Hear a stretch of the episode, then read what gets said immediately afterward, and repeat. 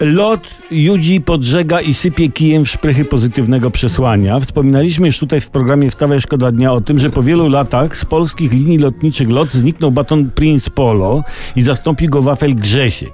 Prince Polo to po polsku taki książę Polo. Polski książę. Brzmi dumnie, nie? A tu Grzesiek, żeby chociaż Grzegorz. Nie, ja rozumiem pojednawczy gest PiSu, by uhonorować Grzegorza Schetynę z PO w samolotach lotu. Bardzo ładny gest. Ale jak książę Polo był w jakiś niewytłumaczalny sposób neutralny politycznie, tak wprowadzenie Grześka zachwiało równowagą polityczną na pokładach naszych statków powietrznych, że to użyję górnolotnie rozbudowanego synonimu słowa samolot.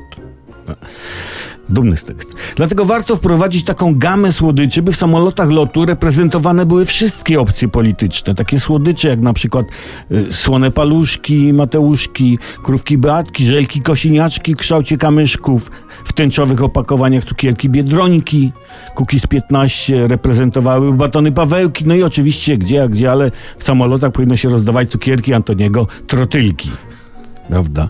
E, taki zestaw słodyczy, który jest naszym udziałem tu na Ziemi, powinien być dostępny także dla podróżujących lotem rodaków i przedstawicieli krajów zagranicznych.